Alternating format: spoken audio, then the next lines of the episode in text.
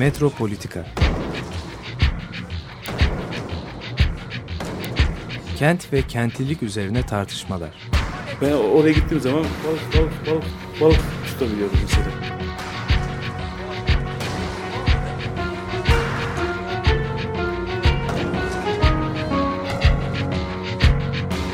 Hazırlayıp sunanlar Aysin Türkmen, Korhan Gümüş ve Murat Güvenç.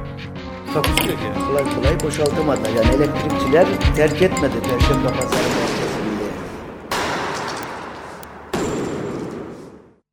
Merhabalar değerli Açık Radyo dinleyicileri.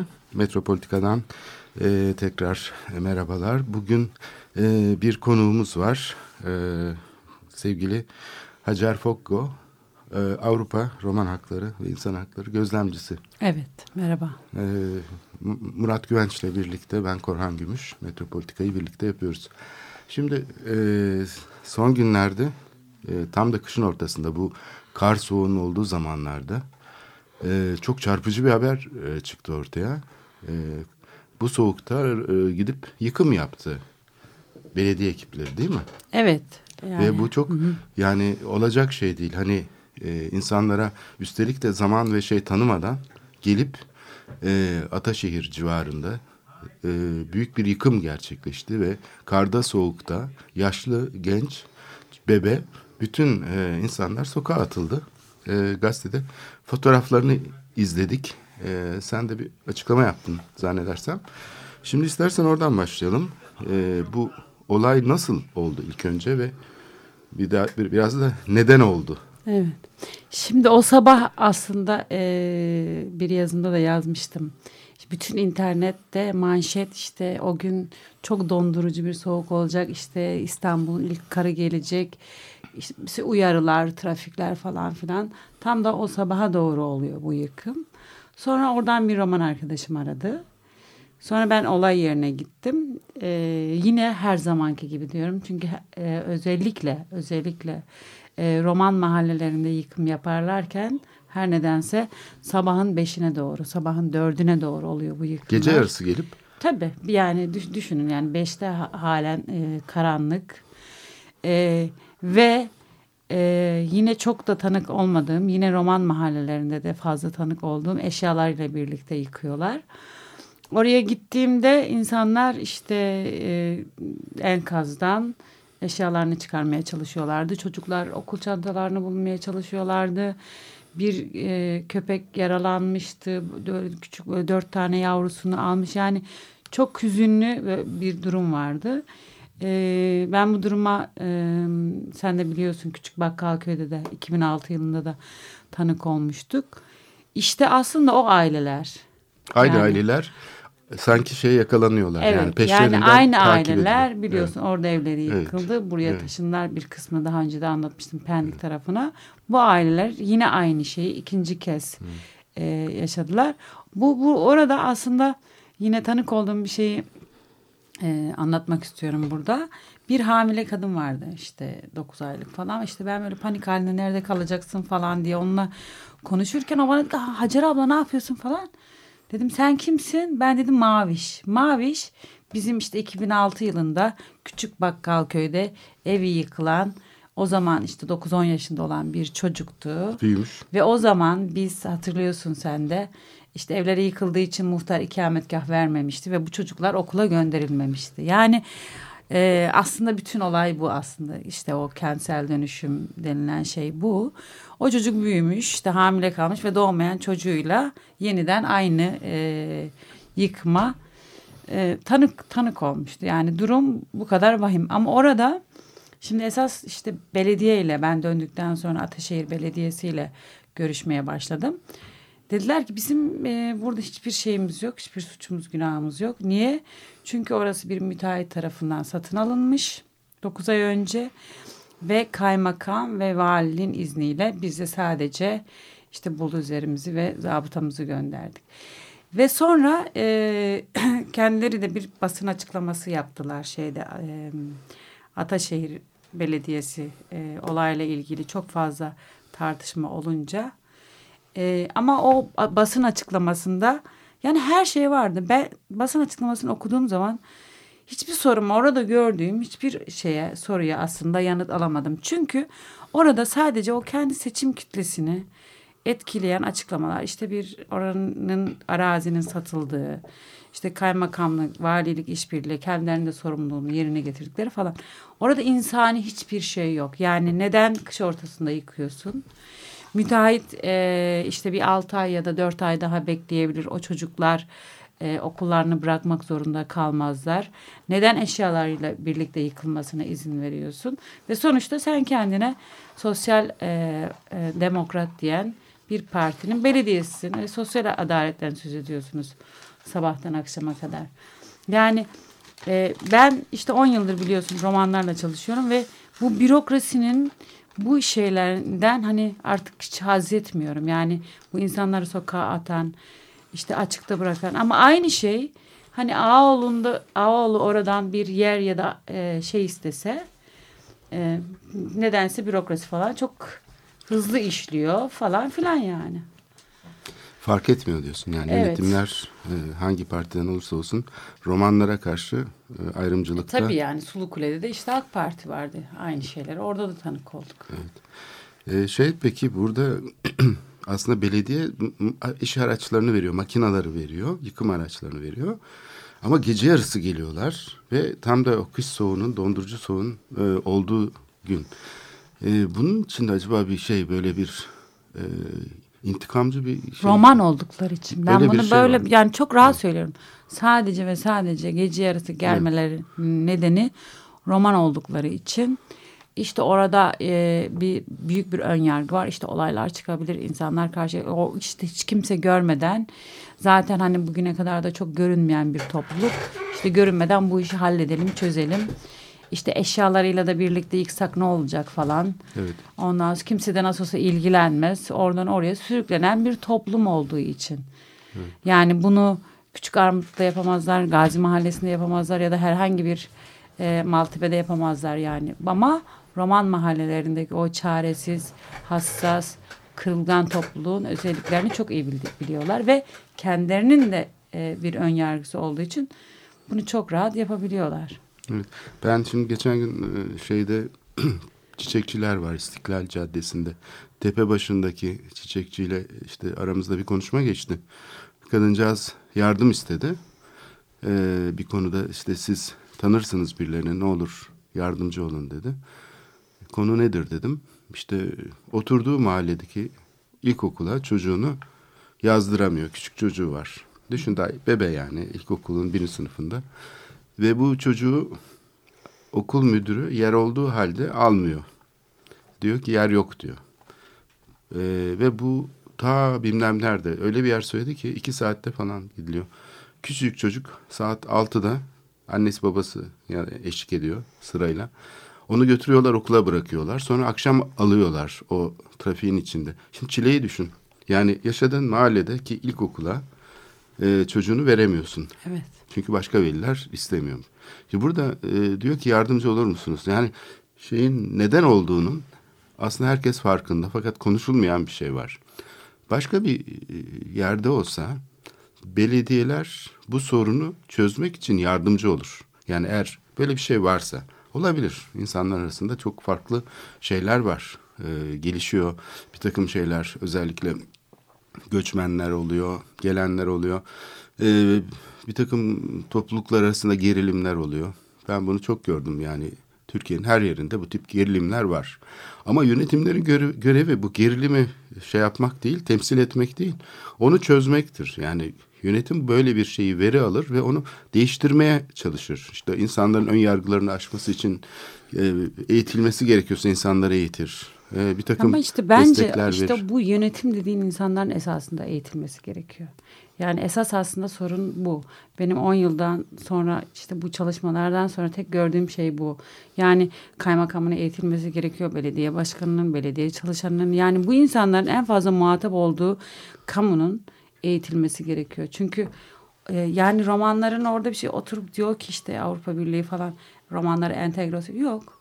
Siz roman olmayanların onlara entegresi gerekiyor. Çünkü ön yargılı davranan onlar, ayrımcılığı yapan onlar, işte kovan, sizin verdiğiniz örnekteki gibi davranan da onlar. Yine eğitimle ilgili bir şey daha söyleyeceğim. Şimdi bu küçük bir örnek verdiğiniz ama mesela TEOK sistemiyle birlikte işte yine Bakkalköy'de bir ailenin çocuğu işte e, şey Gebze tarafında bir yere. Ya nasıl göndersin? Çiçekçi satan işte ya da hurda eline işte günde 5 lira geçen bir adam. Arabası yok. Servisi verecek parası yok. Nasıl göndersin? Yani o kadar şey ki e, ne, yapıyorlar sonra? Dilekçeler verdiler falan en sonunda oğlunu çaresiz okuldan alıyor. Ya da bir sabah bir bakıyorsunuz işte diyelim ki Kuştepe'deki Yun- Yunus Emre Lisesi olmuş İmam Hatip Lisesi. Şimdi oradaki yoksulun şeye gönderme şansı yok özel okula gönderme. Yani bir sürü bu halka halka devam eden bir şey. O yüzden hani bu eğitimden geçirilmesi gereken sadece kamunun kendisi yani milletvekilinden işte e, kaymakamına işte memuruna kadar sorun aslında orada yani romanlarda değil. Ben de kamunun e, zaten bir işlevi olması gerektiğini düşünüyorum. Çünkü işte şöyle şeyler söyleniyor bazen. İşte onlar da çok şey, şunlar da böyle. Zaten e, halkta da zaten şey var. E, ne yapalım? Yani yöneticilerin söyledikleri şey bu. Yöneticilerin bunda yani bu bu şekilde pasif davranmasını ben hiç anlayamıyorum. Benim yapacağım bir şey yok diyor. Yani ne yapayım? Evet. Ama tabii bu e, hem Hacer Hanım'ın söylediği hem senin söylediğin mesele çok çok derinlerdeki bir şeye işaret ediyor. O da şu. Demin Hacer Hanım e, kamu e, kamunun eğitilmesinden, kamu yöneticilerin eğitilmesinden söyledi. Yani bir e, sıkıntı şu. Esas sıkıntı şu.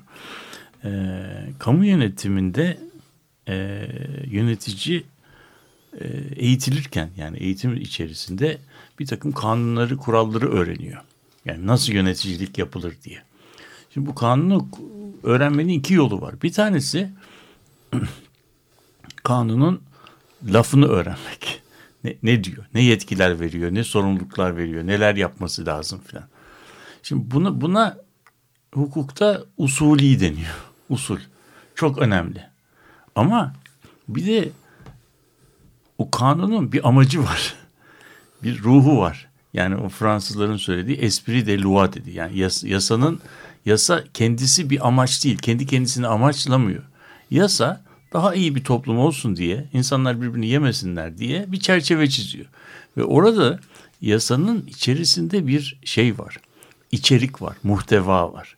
Ona substantive interpretation of law deniyor. Yani yasanın içerik analizi diyebiliriz veya içerik yorumu. Şimdi bizim ülkemizde sadece bu olay çok vahim bir olay ama buraya özgü değil. Bizim kamu yöneticileri herhangi bir problemle e, karşılaştıkları zaman yasanın kendilerine verdiği veya vermediği yetkiyle ibaret görüyorlar. Yani sadece usulü bir yorum yaptığın zaman mesele hallolmuş gibi. Halbuki usulü yorum hukukta hiçbir zaman göz ardı edilemeyecek kadar önemli. Fakat hukuk usulden ibaret değil. Hukukun bir de usulün arkasına giden bir tarafı var. Yani o, o orada senin yapabileceğin yetkin içerisinde olduğun insanlığın da hukukun içerisinde. Yani bunun laf laf olarak söylenmiş olması gerekmiyor. Ama işte bu e, demin Hacer Hanım'ın söylediği bir trajedi. Yani bizim elimizden bir şey gelmez e, trajedisi. E, şöyle bir şeydir. E, yani onu söyleyen adam usulü açıdan haklı da olabilir. Hakikaten belki elinde e, başka bir ama o noktada bir belediye yöneticisi, bir kamu yöneticisi duruyorsa ve ben bunu bunu şey yapamıyorsa orada bir e, adını konmamış bir durma suçu işliyor. Evet. Durmak ve sessiz o, o noktada sessiz kalmak, yapmamak, e, şey yapmamak, olayı yöne, yöneticilik yöneticilik sadece usulleri uygulamaktan ibaret bir şey değil. Eğer öyle olmuş olsaydı o zaman yöneticiliği e, bilgisayarlarda yapabilirlerdi. Yani bir kural yerine gelmiş mi gelmemiş mi? Hani e, o koşullar ama onun ötesinde bir şey var. Yani mesela e, ne kadar doğrudur bilmem ama e, İstanbul'da çalışmış olan bir şehir plancısı vardır. Şey e, Luigi Piccinato meşhur. E, Bursa'da bir gün e, bu Menderes zamanında bir istimlak e, olayını görmüş. Bir mahalleye buldozer gelmiş yıkıyor veya yıkacak. O, işte mani olmaya çalışmış olamamış. Gitmiş buldozerin önüne koskocaman Luigi Piccinato yatıyor. Plancının kendisi. Plancının yatıyor. Gel beni buradan. Yani hiçbir çaresi kal. Şimdi bu noktada bu tabii bu işte aktivizmin e, başladığı yer. Ve sonunda tabii Luigi Piccinato şeyin önüne yattı. E, buldozerin önüne yattı lafı hemen Ankara'ya gidiyor. E, ve e, ve onun e, hani onun belki aksi halde başımıza gelecek şey e, önü, e, önlenmiş oluyor. Ben bu yani sabahleyin bunu anlatacağım bilmediğim için tahkik etmedim. Ama böyle bir olay e, efsane bile şehir efsanesi bile olsa yakışıyor. Yani böyle böyle bir olay var. Şimdi yöneticilik, e, sorumluluk, yurttaşlık biraz bunu gerektiriyor. E, bu, bunu yapmadığımız zaman, bunu yapmadığımız zaman şeyler, usuller, yetkiler, şeyler çok müthiş şeyler oluyor. E, kalkanlar oluyor. Arkasına saklanıyorsun. Senin vicdanın da rahat ediyor. E, ama e, hiçbir problem de çözülmemiş oluyor. Yani o yüzden bu e, bu tür bir uygulamada bizim yapabileceğimiz çok çok e, işler var. E, yapabileceğimizin çok daha iyisini de yapabiliriz. Yani öyle öyle düşünüyorum. Evet yani seyirci kalmayın. Seyirci kalmak çok Tabii. büyük bir Demek şey. lazım. Bence Murat Bey'in dedikleri de çok haklı. Çünkü aslında hep böyle niyet önemli. Yani o iyi niyet, işte vicdan denilen şeyler önemli. Yani biz Sulu Kule'de yıkım daha başlamadan önce aslında o niyeti sezdik. Niye sezdik? Çünkü araştırma yaptığında orada otoparklar yapıyor yerin altına. E bizim romanların arabası yok. Sen İki niye tane otopark araçlık otopark yapıyorsun? yapılıyordu. İşte Evet. işin başında aslında o hani o niyetin iyi mi kötü mü olduğunu biliyorsun. Şimdi Ataşehir Belediyesi de yani biraz iyi niyetli olduğunu düşünsen orada ne var? Yüz aile var. Bu yıkımı biliyorsun. Gidersin bir araştırma yaparsın. Bu insanlar nereye gidecek? Nerede kalacak? Okulları ne olacak? Ne olacak? Yani o kadar imkan hele Ataşehir. Finans merkezinin bilmem neyin falan yeri. Herkese bütün ihalecilere bütün olanaklarını açıyorsun. Burada küçücük bir araştırmayla aslında hani bambaşka bir açıklama yapabilirlerdi. Şöyle bir farklılık oluyor zannedersem. ben bunu gözlemledim. Şimdi deprem zamanı 99 depreminde sivil toplum kuruluşları çok ciddi bir örgütlenme gerçekleştirdiler. Yani bağımsız girişimler kamunun önüne çıktılar. Kamudan daha hızlı hareket ettiler. Ulaşımla ilgili kararları aldılar. E, ameliyathanelerin nereye yerleşeceğine kendileri karar verdiler. E, hatta bir takım şeyleri de kamuya dikte eder duruma geldiler. Yani ondan bir şeyler talep ettiler. Ve bayağı da sesleri duyuldu. Dinlenildiler. Ee, kamu onları kolay kolay şeyden kaldıramadı. Fakat süreç içinde böyle adım adım ben böyle her gün bir hani ajandaya yazmak lazım. Bugün şu oldu. Sayeden yazılsa o değişimin nasıl olduğunu çözüyorsun. Şimdi Sulukule bunlardan bir örnek. Ee, Fatih Belediyesi bu hareketlenmiş olan sivil toplumu görünce e, kendisi de tabii boyun eğmek durumunda kaldı. Yani bu yeni bir dalga gibi. 2000'li yılların hani ortasına doğru 2003-2004 yıllarında e, örgütlenmeler başladı. Mahalle örgütlenmeleri. Bunların bir kısmı depremle ilgiliydi. İşte risk azaltma atölyeleri yapılıyor Beyoğlu'nda falan. Belediye de bunları kabul ediyor. Gönüllü insanlar çalışıyor. Uluslararası uzmanlar katılıyor bunlara. Çünkü belediyenin yapacağı hiçbir şey yok. Yapamıyor. Fatih Belediyesi'nde de bu toplantılar olmaya başladı. Gece yarısına kadar toplanılıyor. Belediye başkanı da katılıyor. Yani o zaman daha yeni seçilmiş falan. Ee, şeyle yapıyor. Yani sanki böyle bir iyi niyet var gibi. Havada güzel bir şey var. Yani böyle umut dolu bir durum var. Tam o sırada koltuğun altında bir takım böyle rulolarla bir takım kişiler girmeye başladı toplantılara. Şimdi bu kişileri ben tanıyorum yani bazıları işte okulda hocamdı falan filan. Ee, niye bu işlere ilgi göstersinler? Bu kadar zamandır hiç ortaya çıkmadılar da deprem zamanı falan filan. İşte bunların içinde bir takım böyle şeyler var. Ee, tanıdığımız kişiler yani bu kişiler hiç öyle şeyde insanlar değil yani. Gizli saklı işler yapan insanlar değil. İstanbul'da işte yıkılan ne kadar kültür mirası yapı varsa onların altında imzası olan işte ne bileyim işte belediye projeleri yapan falan kişiler. Böyle çok kötü projeler yani sahiden böyle şey Osmanlı Mahallesi tipinde projelerle gelmeye başladılar. Ya biz başka şeyden söz ediyoruz ve onun için gönüllü insanlar olarak kendi kaynaklarımızla yıllarca çalışmışız. Birdenbire böyle tepeden birileri sürece katılmaya ve belediye başkanına e, şeyler sunmaya başladılar. Çok niteliksiz işlerle, çok kötü projelerle. Sonra öğrendik ki bunlar aslında bir takım ayrıcalıklı sermaye şirketlerinden destek alıyorlarmış. Onlar bu kentsel dönüşüm şeyinde bir şey olduğunu hissedip işte Sulukule projesi gibi evet. projeleri efendim e, Lonca Mahallesi işte şeyin tam yanında Ayvansaray. Ayvansaray orada da yıkımlar gerçekleşti. Fenerbalat projesi. Bir baktık bu e, tanınmış kişiler koltukların altında projelerle toplantılara gelmeye başladılar ve biz orada bir tuhaf duruma düştük. Yani şimdi bu kişiler eğer şeyse hani biz ne arıyoruz burada demeye başladık. Ondan sonra zaten o toplantılar bitti. Ya o geçişi çok iyi hatırlıyorum. O beş senelik depremden sonraki beş senelik süreçte bir ajandam olsa bunu her gün yazmış olsaydım süreç nasıl değişti? Yani sivil toplum kuruluşlarının şey olduğu, güçlü olduğu bir durumdan belediyelerin, hükümetin tamamen e, sivil topluma şey tanıdığı, e, alan açmak zorunda kaldığı bir durumdan sistem kendi kendini nasıl restore ederek eski e, şeye geri döndü. Bu sadece deprem bölgesinde değil. Yani evet. kalıcı konutlar yapılırken deprem bölgesinde değil. Bütün bu Sulu Kule projesini falan ben böyle doğuşunu adım adım izledim ve orada yani kavga zaten orada e, koptu. Onların tamamen piyasa mantığı içinde gelip de e, şeyle birlikte hem hal olmuş vaziyette büyük sermaye gruplarıyla bu dönüşüm işine girmeye ve bu işte ha bu işte para var deyip harekete geçmesi bilgi üretiminin nasıl gerçekleştiğini gösteriyor. Yani orada gönüllü insanlara işte bağımsız şeye yer kalmıyor. BD başkanı da o zaman hani iyi niyet falan filan değil. E, ne yapayım piyasanın koşulları bu ben başka türlü yapamam herhalde diye düşünüyordur. Yani adım adım örülen bir ağ var ve bu aslında sadece belediye başkanından ibaret değil. Yani kamu örgütlenmesi bu tepeden aşağı yönetilen bir sistem bu aynı zamanda tabii. Herkes kendi sorumluluklarının içine gizliyor. Ee, adım adım gözlemledik.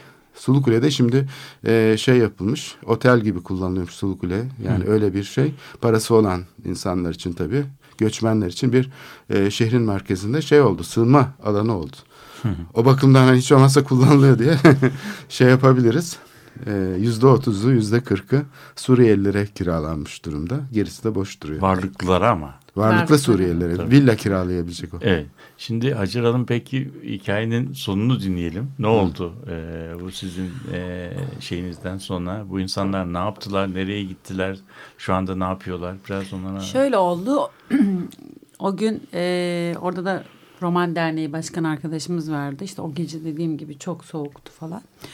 Onlar üç gece orada sabahladılar bizim romanlarda falan birlikte. Dediğim gibi işte çok yaşlılar, çok çocuk, çocuklu, hamile kadınlar işte bir biçimde akrabaların yanına falan yerleştiler ama hani böyle dediğimiz aa iyi çok iyi akrabaların yanına yerleşmişler. Şimdi akrabaların yanı dediğiniz yer bir oda bir yer yani. İşte sen de biliyorsun. Ee, sonra işte ben de o arada işte bütün basını ayağa kaldırmaya çalıştım. Yani böyle bir iş bölümü yaptık. O arkadaşımız orada kaldı. İşte ben ulusal uluslararası basına falan ve sürekli Ataşehir Belediyesi ile yazışmalarla geçti ve en sonunda e, şey kaymakam tamam gelin e, işte hiç değilse kira yardım yapalım dediler ve gittik bir e, cuma günü e, romanlarla falan beraber ve işte e, 2000 lira bir kira yardımında bulundular. Kirala evlerini tuttuktan sonra da işte daha sonra tekrar yazıp bir yıl daha o kira yardımı olacak diye düşünüyoruz inşallah. Ama bu da çözüm değil. Çünkü Tabii. esas çözüm kalıcı sosyal konutlar. aslında yine esas çözüm sosyal dönüşüm. Hep dediğimiz gibi önce sosyal dönüşüm ve yerinden etmeme. Ama tabii şimdi mesela burada demin e, benim e, olayı bilmeden gündeme getirdiğim meseleyi burada bir kez daha gözümüzün önünde böyle insanın kalbini rahatsız edecek, iç, içini burkacak şekilde görebiliyoruz. Bir tanesi şu. Madem ki bu kira yardımı yapılabiliyor, evi niye yıkarsın? Değil, değil mi? Sabahın beşinde gelir niye bunu bunu yaparsın? Yani bu, bu, bu noktalarda bu noktalarda üzerinde bizim düşünüp kendi kendimizi sorgulamamız gereken bir şeyler var. Bu yapılabiliyor ise ki bu Türkiye'de bunun e, yapılamayacak bir, bir şey değil. Yani biz biz bunu bununla bunun çok daha iyi, iyisini de e, yapabiliyoruz.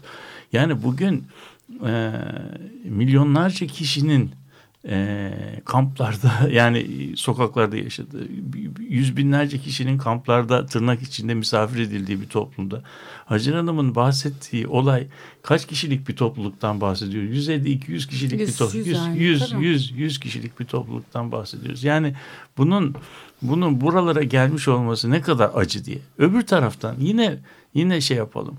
Ee, geçen gün Yalova'da olan o e, kavşakta kesilen e, yüzlerce ağaç. Mesela bunun üzerinde de düşünmemiz lazım. Bu, bu ortaya geldi ve sonradan yok oldu. Bu ağaçları da bir daha düşünelim. Yani o ağaçları biz niye kestik? Kesilmeden olam ke- kesmemek olamaz mıydı?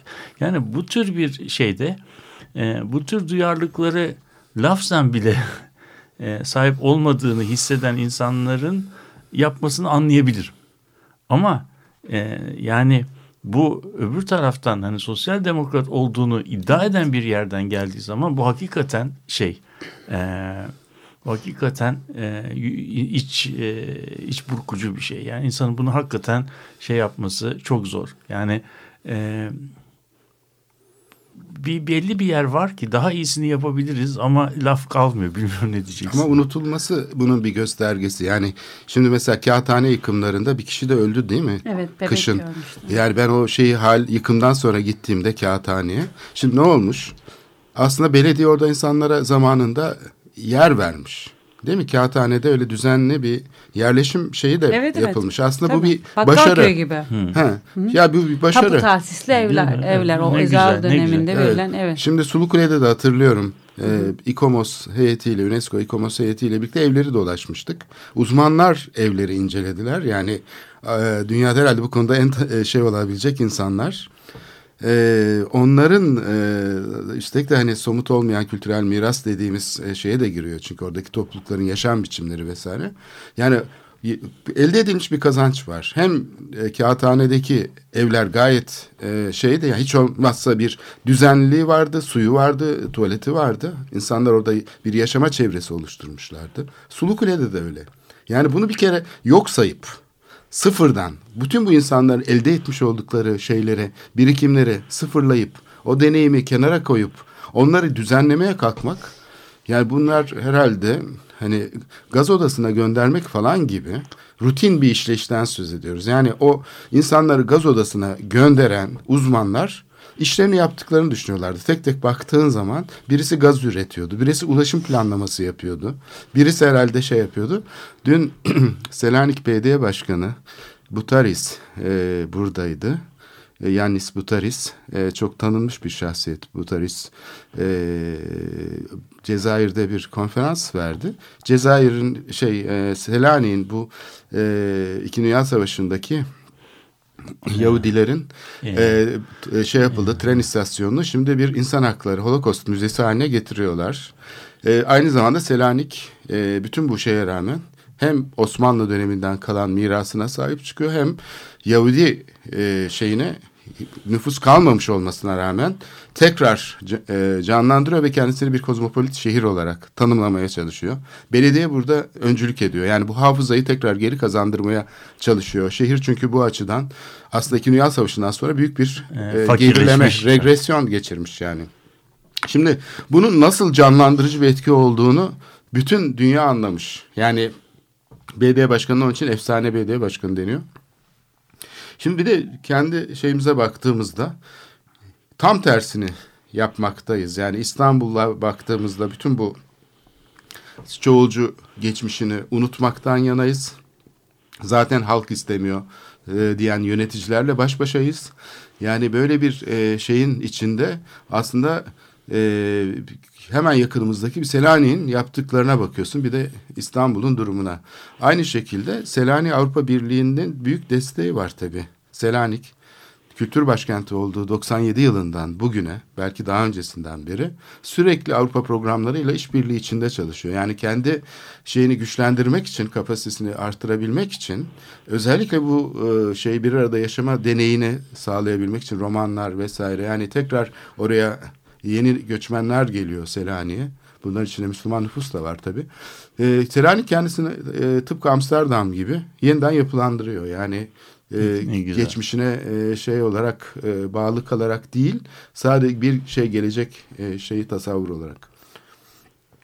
E, Şimdi burada da aslında böyle bir fırsat var. Bu fırsatı belki şey yapabilmek için e, şeyin e, bir yani bu unutkanlığı belki bir gözden geçirip e, sen çünkü yani bu gözlem e, sistemli bir gözlem yaptığın için yani burada arka arkaya tekrarlanan şeyler var Gözden geçirilecek bir şey yok. Belediyeler bir şey yapmış 2006. Bir arkanı dön bak ne yaptın. İşte Yani sürekli kafalarına şey- göstermek gerekiyor. Hiçbir belki. ders yok. Evet. Küçük bakkal köyü 2006'da yıktın değil mi? Herkesi sokağa attın. Biz Yüksel Dum denilen romana, çiçekçi roman. Evet. Evini yıktın, tanıyorsun. Ee, yıkılan yere barakasıyla 18 kişi torununu, gelini adamcağız oraya sığdırdı. Dava açtı. Bak ne kadar iyi bir vatandaş değil mi? Dava açıyor, hukuken yollarını arıyor. Ee, sen onu kandırmak için Sosyal Demokrat Belediye ihaleye adamdan gizli yerini ihaleciye satıyorsun. Onu iptal etmek için biz dava açıyoruz. Sonra sen ona diyorsun ki şu kadar 6 ay içerisinde şu kadar para ödersen sana gerçek tapunu verece- vereceğim diyorsun. Biz onu inceletiyoruz. O 6 ay değilmiş. Aslında onun süresi 1 yılmış. Yani ve sonunda o 8 yıllık hukuk mücadelesinin sonunda Yüksel Dum vefat etti barakasında. İki ay önce. Şimdi bunun iki hesabını kim verecek? Şimdi biz devam ediyoruz şimdi ailesiyle birlikte. Ben işte gidip gelmeye falan çalışıyorum. Ve Kadıköy Belediyesi Selami Öztürk de şimdi başka bir şey oldu. işte Ataşehir'e geçti falan. Ne her neyse bir kere gelip bu adam ya nasıl yaşıyor? Ee, yani ne yapıyor? Ne yiyor? Ne içiyor? Elektriği yok, suyu yok. Bak çiçekçi. Biz ne yaptık bu adamın hayatına? Bir Fatih Belediyesi. Bir bak Gülsüm teyzeye. Evini yıktın. Nasıl yaşıyor kadın? Sorun bu. Dönüp bakmazsan gazetelere demeç verirsin. Sulu Kule, bak biz Sulu Kule Akademisi kurduk. Evet. Adında akademi şey Sulu Kule var. Ama orada hiç kimse yok. Dönüp bakacak, yapacak başka bir şey yok. Peki. Şimdi Ben- galiba araya e, gidiyoruz. Söz ekleyeceğim bir şey var mıydı? E, Yok. Sadece teşekkür ederim. Acele Ee, biz de teşekkür Evet roman ediyorum. hakları e, gözlemcisi olarak uzun zamandır Ben çalıştığı için. Evet, yıllardır e, Çok en önemli azından, bir iş yapıyor. Evet. Yani e, kolaylıklar Evet. dileyelim. Çok, Çok, zor bir teşekkürler. iş. Çok, Çok sağ önemli olun. bir iş. yapıyor. Teşekkürler. Görüşmek Peki teşekkür ederiz. Hey Jude, don't make it bad. Take a sad song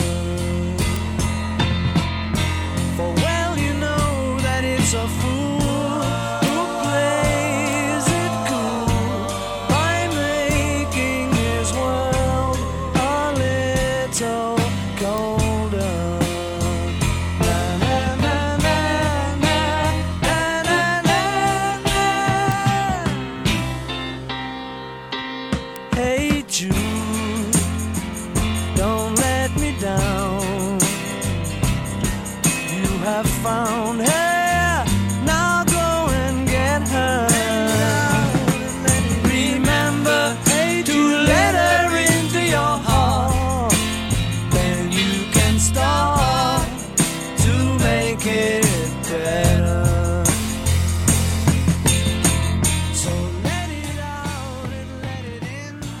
merhaba Metropolitika programının ikinci kısmında tekrar e, karşınızdayız. E, şimdi e, bu aradaki müzik bu hüzünlü şarkıdan sonra nereden çıktı diyebilirsiniz. Bu Heycud şarkısının içerisinde e, daha iyisini yapabilirsin diye bir mısra geçiyor. Biz de onu e, vurgulamak istedik. Yani biz e, buradaki yerel yönetimler, meslek adamları, sivil toplum olarak bu yaptıklarımızdan daha iyisini yapabiliriz. Yani onu onu e, vurgulamak istedik. Bence tabii bu Hacer Hanım'ın anlattığı öykü yani yürek parçalayıcı bir öykü. E, yani kabul edilemez bir öykü. Bunu, bunu, bunu daha iyisini yapmayı e, düşünmemiz lazım her bakımdan. Evet. E, burada herkese görevler düşüyor. E, bunun üzerine biraz düşünelim. Biz bunu e, bu demin gündeme getirmeye çalıştığım mevzuatın arkasına saklanmak e, çok ucuz ve çok kolaycı bir yol. Bunun biraz daha ötesine geçen bir kamu yöneticisi tipi, değerleri, e, profili, prototipi geliştirme, daha iyi örnekler bu konuda e, yapmamız gerekir. E, toplum bunları yapan insanları da inanın daha sonra e, benimsiyor. Mesela ben e, 1965'li yıllarda bir İzmir Belediye e, Başkanı hat, anımsıyorum. E, ismi Os- Osman Kibar idi. E, şeyde Türkiye'de gecekondu mahallelerdeki sokakları ilk asfaltlayan e, belediye başkanıdır. Bu hareketiyle kendisine bir e, isim takıldı. Kendisine Asfalt Osman denildi. Ama Asfalt Osman İzmirlilerin e, sevdiği bir adamdı. Yani e, hiçbir belediye e, yasasında da gece konduların yani statüsü belli olmayan bir yerin sokaklarını asfaltlamak gibi bir belediye mecburiyeti de yok idi. Yani bazen bazı şeyleri yapmak, bazı şeyleri de yapmamak, e, bazı şeyleri hayır demek, bazen de üstüme e, vazife olmayan şeyleri yapmak değerli oluyor. Bunun bunun ölçüsünü biz toplum olarak bulmamız gerekir diye düşünüyorum. Bazen de bazen de kamu yöneticileri e, ama halk bunu böyle istemiyor. Bunun müşterisi yok e, sorusunun ötesine geçmeyi bilmeliler diye düşünüyorum. Bu ahlaki bir nokta. E, halkın her istediğini yapan, her istediğini de yapmayan e, bir belediye başkanı acaba iyi bir belediye başkanı mıdır sorusunu e, soralım. Çocuğunun her istediğini e, yapan, hiçbir istediğini de yapmaz, yapmamasına izin veren bir anne acaba iyi bir anne midir? Ben, anne ben muz almak istiyorum, muz yemek istiyorum, dondurma yemek istiyorum diyen bir çocuğa sonsuza kadar bu isteklerini karşılayan bir anne iyi bir anne midir? Bu soruyu biraz kendimize e, soralım diye düşünüyorum. Kaldı ki şimdi şeyde mesela yasada bunun e, zorunlu bir şeyi de var. E, yaptırımı var. E, bu kentsel dönüşüm e, uygulamaların yapıldığı yerlerde istişare toplantısı mahiyetinde bir takım toplantılar oluyor. Bunları izledik işte Sulukule'de mesela. Oradaki halktan bir kişinin bile çok iyi yapıyorsun dediğini duymadım ben. Her e, kişi e, kalabalığın içinde konuşurken diyor ki işte benim engelli çocuğum var. Çocuğumu yürüyerek şeye götürüyorum, okula götürüyorum. Onun için ben bu semtten ayrılamam diyor mesela. Öbürü diyor ki işte benim yaşlıyım artık gelirim yok yani ben yeni taksit ödeyemem. Herkesin mutlaka bulunduğu durumu açıklayacak bir şeyi var. Buna rağmen belediye başkanı öyle bir şekilde kendisini şey yapmış durumda ki baskı altında hissediyor. Ee, kendisine bu yurt dışı ekiplerle birlikte şey sunulduğu zaman bir alternatif proje geliştirme süreci sunulduğu zaman ve buna Avrupa Birliği desteği de alınabileceği bir ortaya çıktıktan sonra Avrupa Parlamentosu'nda da bu toplantı yapıldı. Bakanlar falan da katıldı. Yani o kadar ciddi bir e, şey oluşum olduğunu, destek alabileceğini görmesine rağmen e, buradaki yerel aktörlerden bir kısmı bu özellikle Avrupa Birliği şeylerine karşı standartlarına karşı, proje geliştirme standartlarına karşı müthiş bir düşmanlık gösteriyorlar. Onu bir şey olarak hani Hristiyan dünyası falan gibi ayırt ettikleri için duvarları bu şekilde inşa ettikleri için asla meseleyi anlaşa, anlayamıyoruz. Yani belediye başkanı aslında o da bir piyon. Yani onun da arkasında öyle bir şey var ki e, bir uzlaşmış bir ekip var. E, bunu Sulukuya'da çok iyi gördük. Yani o projeleri, rural projeleri şirketler için hazırlayan hocalar, bilmem neler falan. Sahiden e, belediye başkanı da oyunun bir şeyi sadece, bir temsilcisi. Evet, zaten belki bütün bu kentsel dönüşüm meselesini e, düşündüğümüz zaman e, kendimize sormamız gereken soru şu. Aktör kim? Bunun faili kim? Belediye başkanı mı, müteahhit mi, mevzuat mı, e, emlak şirketleri mi, yıkımcılar mı, taşıyıcılar mı, e, bundan e, emlak, emlakçiler mi, e, arsa sahipleri mi? Yani aslında bu aktörlerin tamamının oluştu, oluşturduğu bir bileşkeden e, söz ediyoruz. Böyle olduğu zaman da şey e, mevzuatın kalkanının arkasında o kadar fazla adam var ki kimin sorumlu olduğunu da şey yapmak, seçmek, teşhis etmek biraz e, güç oluyor.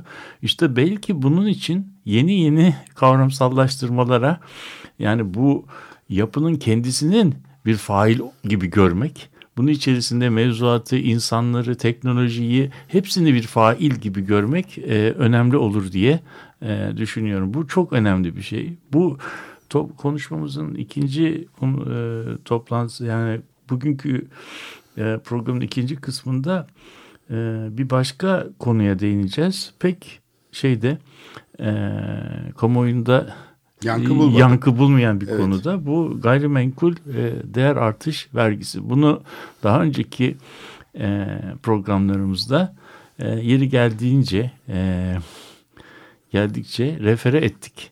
Ama sessiz sedasız bunun zamanı gelmiş ve bizim ülkemizde de bunun e, bunun mevzuatı geçmiş e, durumda.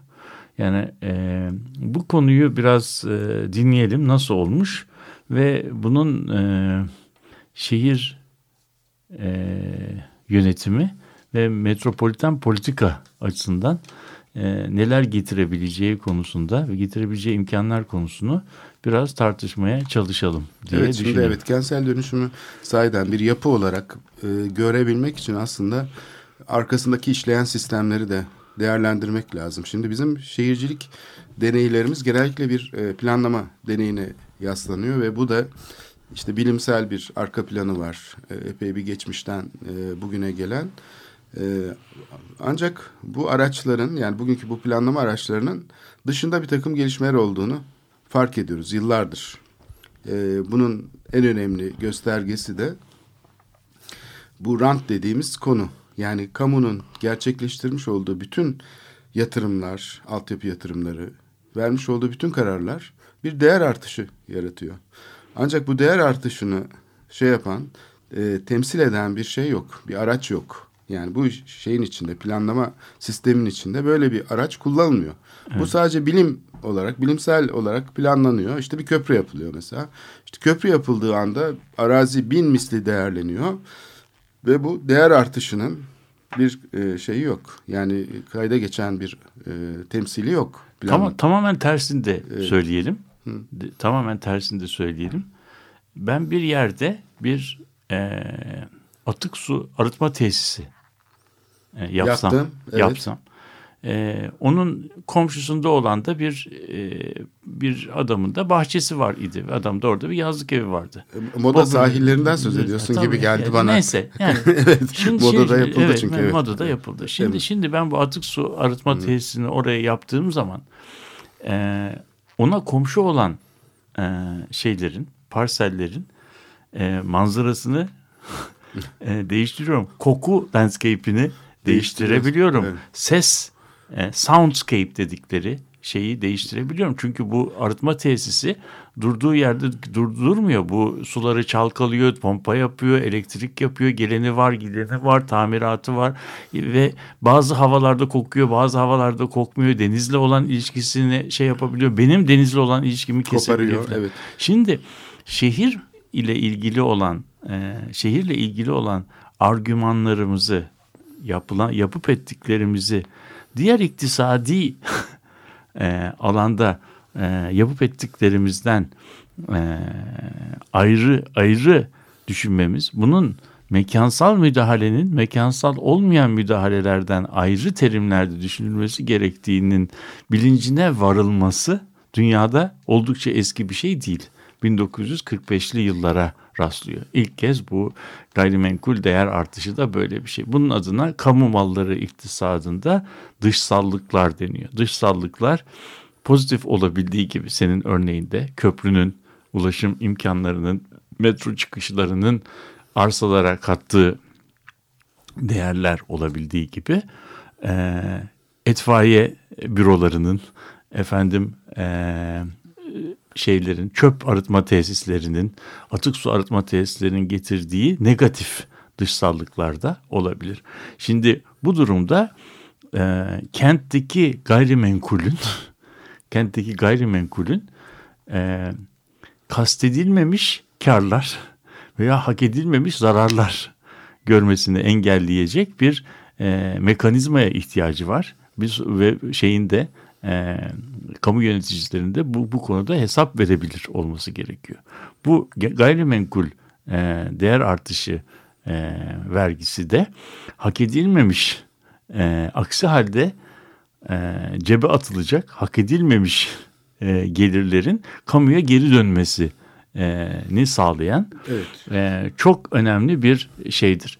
Bunun niye bu kadar zaman Türkiye'de gündeme e, gelmemiş olması 3-5 tane çok değerli şehir e, araştırmacısının ısrarlarına rağmen ve geldiği zaman da kamuoyu bu devrim mahiyetindeki bu şeyin niye bu kadar e, sessiz e, geçiliyor olması e, bence üzerinde durmamızı gerektiren bir şey. Çünkü belki bu bizim hiç yüzleşmek istemediğimiz e, mu muhalefetiyle, iktidarıyla bir e, bir devrime işaret ediyor. Çünkü bu e, eğer e, amaçlandığı gibi uygulanır, sağından solundan delinmez ise o zaman e, köprülerin, parkların, e, imar faaliyetlerinin pozitif değer artışlarını tekrar kamuya kazandırmak ve bu kazandırılan paralarda da daha iyisini yapmak demin şarkımızda olduğu gibi e, yapmanın maddi kaynaklarını yaratabilme e, imkanlarına sahip oluyoruz. Yani kamu bu durumda yapıp ettiğinin pozitif e, dışsallıklarını e, şey yapabilir, e, kontrol edebilir hale getirebiliyor. Bu pozitif gelirlerini ee, geçen gün e, şeyde konuştuğumuz gibi hmm, Beyoğlu tartışmamızda konuştuğumuz gibi e, gelir getirici olmayan ama kültürel e, uzun vadede çok gelir getirici olup da kısa vadede e, şey iktisadi rentabilitesi çok aşikar olmayan koruma, restorasyon gibi e, projelerde kullanabileceği çok geniş fonlar e, elde etmek imkanı var. Demin Hacer Hanım'ın anlattığı türündeki e, insanlık dramlarında kullanabileceğimiz ki burada hakkında konuştuğumuz rakamlar çok küçük rakamlar. E, çok küçük halledebilecek rakamları buralardan çözmek mümkün olabilecek. Bu aslında belki toplumda bir sivil sorumluluk, bir kentlilik evet. e, sorumluluğunda bir oluşması bir de için adebi de... merkeziyet için e, çok önemli bir getirisi olabilir ama dediğin gibi şimdi bunun konuşulma biçimi e, hak ettiği de, derinlikte de, değil. değil. Problem buradan kaynaklanıyor. Hı. Aslında burada gene işte usul olarak kamu kendince bir adım atıyor ama bunun yer, e, ruhunu yerine getirecek e, kavrayışla mı yapılıyor bu iş yoksa e, şimdilik işte bu 17 Aralık olayından sonra e, bir takım kararlar almamız gerekiyor. Bu konuyu bu informal işleyişi düzenlemek için mi? Acaba bunu mu yapmamız gerekiyor diye. Bu konuda tam bir e, şey yok. Yani bunu bu buradaki vergi e, artışı gayrimenkul değer artışı vergisi benzinden alınan özel tüketim e, vergisinden çok farklı bir vergi. Evet. E, Ancak bu, bu, bu, bunun bu, bunun şey... bunun ayırdına e, bu, e, bunun ayırdına e, gelmemiz gerekir. Yani bu aslında e, şehir mekanını şehir mekanını e, e, yarattığı olumlu dışsazlık dışsallıkları cebe atarak e, büyük servetler edinme yolunun önünü tıkayabilecek evet. bir bir bir mekanizma. Bunun e, bunun ayırdına yani varmamız lazım. Bütün bir e, yerel yönetim e, uygulamasını bunun üzerine inşa e, etmemiz gerekir. E, ve belediyelerin e, kaynak sıkıntısı geçen e, çeken e, belediyelerin e, şeylerini e, yatırım programlarını ve geleceğe ilişkin projelerini bu kaynak üzerinden e, Bu bir sarsıntı Yaratabilir yaratabilir e, şeyde e, tabii ki siyasi hayatta yerel yönetimlerin e, bu tip kaynaklara kavuşması. Şimdi şekil olarak bir genel amaçlı 50 bin metrekareden büyük alanlar için yüzde 60 ile yüzde 80 boyutunda bir değer artışı e, vergisi geliyor imiş. E, bir de bireysel başvuru. Şimdi bu da çok enteresan. Yani bir kişi kendi parselinde değer art, e, imar artışı isteyebiliyormuş. O zaman da 80 ile 100 arasında yani neredeyse istediğinin tamamını vergi olarak e, şey yapacak. Bunu nasıl yapacaklarmış? Birinci aşamada bir tespit e, yapılacakmış. Ondan sonra da bu e, elde edilecek imar hakkıyla birlikte gene bir tespit yapılacakmış. Bu aradaki farktan e, toplanacakmış vergi. Ondan sonra da dağıtımında bu verginin dağıtımında senin söylediğin bir takım kamu yararı alanları tanımlanmış. Yani şimdi bu yüzde on şuraya, yüzde on buraya gibi Çevre ve Şehircilik Bakanlığı'na Ama da bu gidiyor. tabii bu benim söylediğim olay. Evet. Bu benim söylediğim olay yaygınlaştırılırsa Evet. eee, kentin yarattığı değerin tekrar kamuya dönmesi anlamına gelir. Bu biçimde uygulanırsa ise bu imar haklarının satılması anlamına gelir. Evet bu tamamen piyasacı, ekonomist bir mantığa dönüşebilir. Evet. O zaman e, işte yani bir zaten kendi şeyini frenler. Hani Evet. e, vergiye gidiyorsa ben ne zaman niye imar izni isteyeyim ki diyecek bir vatandaş haklı olarak. O zaman belediye diyecek ki ya eski sistem ne kadar güzeldi. Evet. Ya biz ne yaptık? Bir hata yaptık galiba. Bunu bunu bunu Evet. tekrardan eski güzel günlerimize dönelim. diyeceklerdir. Şimdi o yüzden e, bu yasanın hem hazırlanış biçimi olsun hem e, siyasi etkilerini ve ilişkilerini e, değerlendiriş biçimi olsun hiç de hak ettiği şekilde konuşulmadığını söylemekle yetinelim. Bu aşamada çünkü bu çok üzerine konuşulacak ve şey yapılacak bir konu yani tamamen. belki şehir politikasının belki e, en önemli e, araçlarından bir tanesi hakkında e, konuşuyoruz. Bu, e, bu bu konuya geri dönmemiz gerekir ve bu konuyu e, göz ardı etmemiz gerekir diye düşünüyorum. Evet programın zannedersem sonuna yaklaşıyoruz. Ee, son olarak e, bu yasa hakkındaki şeyi de e, söyleyelim tekrar. İki kategori var. Ee, bir tanesi işte küçük ölçekli bireysel başvuru hakkı tanınacak. Diğeri ise belediyeler tarafından geliştirilen 50 bin metrekareden büyük e, parseller veya e, plan ölçekleri diyelim. Bunlar e, birkaç e, şeyi kapsıyor. Mahalleler vesaire. Yani bir kentsel dönüşüm ölçeği bu.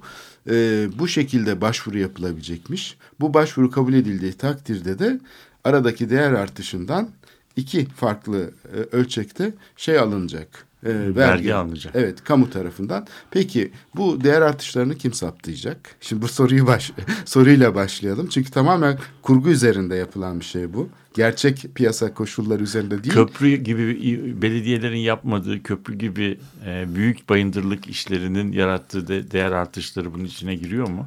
İşte burada tamamen e, tanımsız alanlar var. Zaten en çok etkileyen onlar değil mi? Üçüncü köprü mesela. Evet. Yeşil alanı sıfır imarlı bir alandaki değeri on misli arttıran bir şey mesela Evet. en az. E, şimdi e, şey e, ikinci köprü mesela yapıldığı zaman hani etrafındaki işte şey e, bağlantı yolları olmayacağı söylenmişti. Bir bağlantı yolunun yapılması Neye fark, ne fark ediyor canım? Yani yatırım sadece şu kadardı. Onun yanında küçücük bir şey o bağlantı yolu diyebilirsin ama Evet. onun yarattığı imar rantı muazzam. Milyar dolarlar e, teşkil ediyor. Dolayısıyla Türkiye bütçesini geçen rakamlardan söz ediyoruz çoğu zaman. Evet. Yani bir bakanlığın bütçesini falan kat kat geçebilen bir e, plan tadilatı kararıyla değişiklik yaratılabiliyor. Bunun örnekleri İstanbul'da gözümüzün önünde. Şöyle İstanbul profiline bakalım. Bunun örnekleri zaten gözümüzle göz- görülüyor yani. Bunu soyut olarak e, tartışmaya gerek yok. Dolayısıyla Yılda 1500 tane plan tadilatının yapıldığı bir şehirde yaşıyoruz. Bunu unutmayalım. Bu plan tadilatına şimdi bir şey getirilmeye çalışılıyor. Acaba norm. bu, bu bu kadar kolay bir şey mi diye e, Biz de, soralım. Evet, ve, e, bununla e... kapatalım istersen programı. Destekçimiz Haluk Bey'e de çok teşekkür ederim.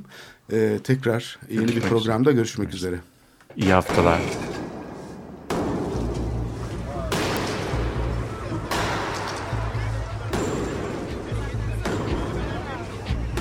Metropolitika. Kent ve kentlilik üzerine tartışmalar. Ben oraya gittiğim zaman balık balık balık balık tutabiliyordum mesela.